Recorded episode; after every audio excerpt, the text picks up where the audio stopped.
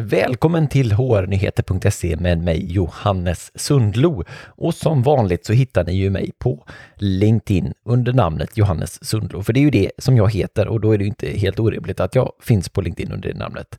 Men ni kan också hitta mig på Youtube och det skulle jag vilja slå ett litet slag för här. Vi gjorde Youtube live förra veckan om remote work after covid och jag är så glad att så många kollade in på det. Det är nästan 1200 pers som har kollat på det. Så skulle du vilja spana in det så sök på Johannes Sundlo på Youtube så ska du förhoppningsvis hitta mig där också.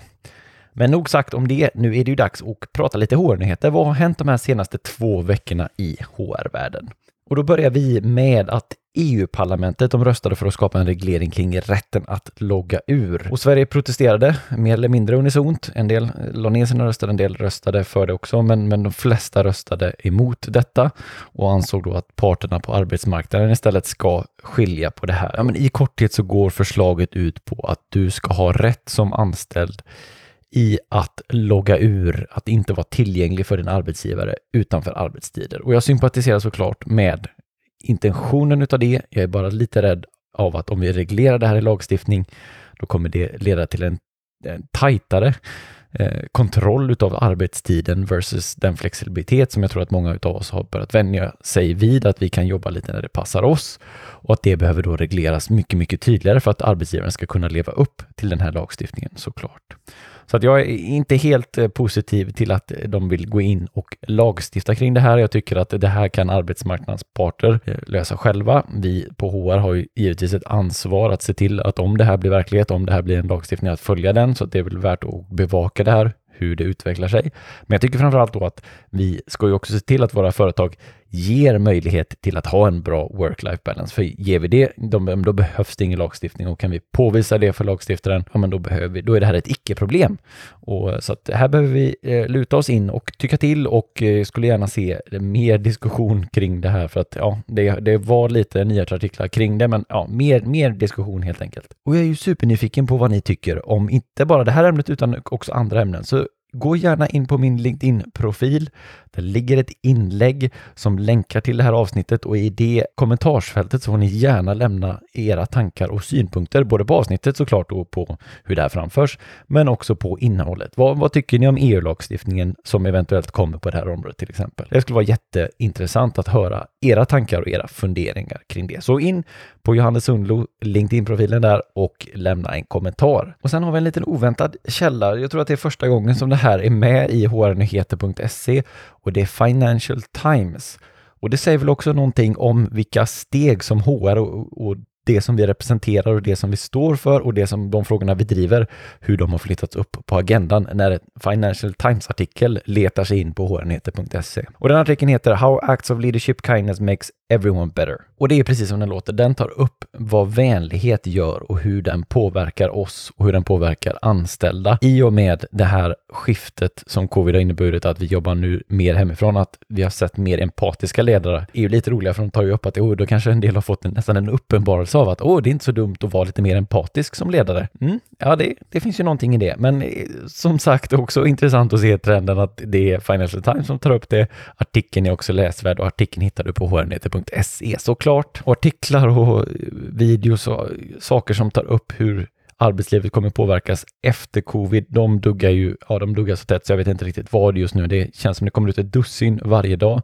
Jag själv bidrar i allra högsta grad med detta. Inte så konstigt heller med tanke på var vi befinner oss, att det nu har kommit ett vaccin och vi börjar se ljusningen vid horisonten förhoppningsvis i en värld där vi kan gå tillbaka och kramas. En artikel som jag ramlade över som jag tycker var väldigt, väldigt bra, det är How COVID-19 will shape the workplace Workplace Trends of 2021. Och det är World Economic Forum och en forskare i där som heter David Cook som tar upp hur han tror det och också är väldigt datadriven och forskningsfokuserad i hur han tror att arbetslivet kommer formas i framtiden. Han är också väldigt befriande i att han säger att jag har haft fel för här är områdena jag har fel. Det blev så här istället. Eh, så här tror jag därför i framtiden. Och jag tycker att han gör ett bra jobb i att argumentera för vad han tror om och de utmaningar och problem som han också ser med framtidens arbetsplats. Så kan varmt rekommendera den i bland alla covid-19 artiklar som finns där ute. Så ja, den är bra. hrnyheter.se ligger det länk. Och det är mycket eh, engelska artiklar idag. En annan här som jag har hittat är Managers can fuel employee growth but only when trained to lead.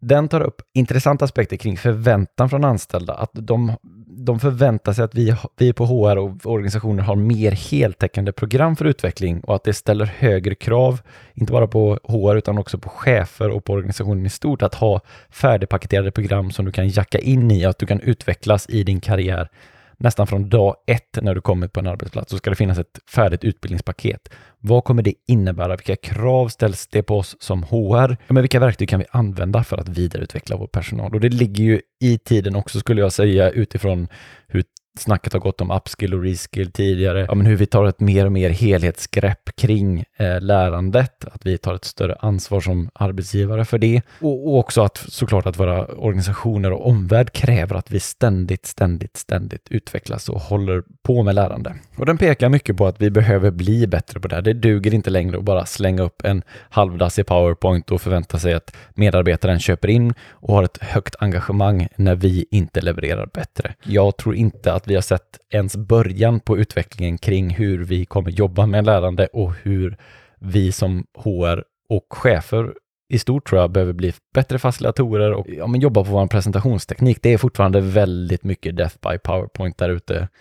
Och för många tror jag att den här tiden på året, den innebär performance reviews eller performance planning eller vad du kallar det, vad du vill, men att du jobbar med målsättningarna hos dina anställda och utvärderar året som har varit och tittar framåt på hur medarbetaren ska utvecklas. Och jag ramlade över en artikel som heter How to develop an employee performance plan och jag tror att det var ingen rocket science i den, men eftersom det är den tiden så tycker jag alltid att det är bra att påminna sig lite om vad gör en bra performance review? Hur gör man en bra performance plan? Och hur pratar man om det här med sina medarbetare. Så den kan vara värd att läsa för att bara fräscha upp sitt minne, få kanske något nytt perspektiv att ta med sig till sin performance review och så eh, göra det lite bättre än man gjorde förra året.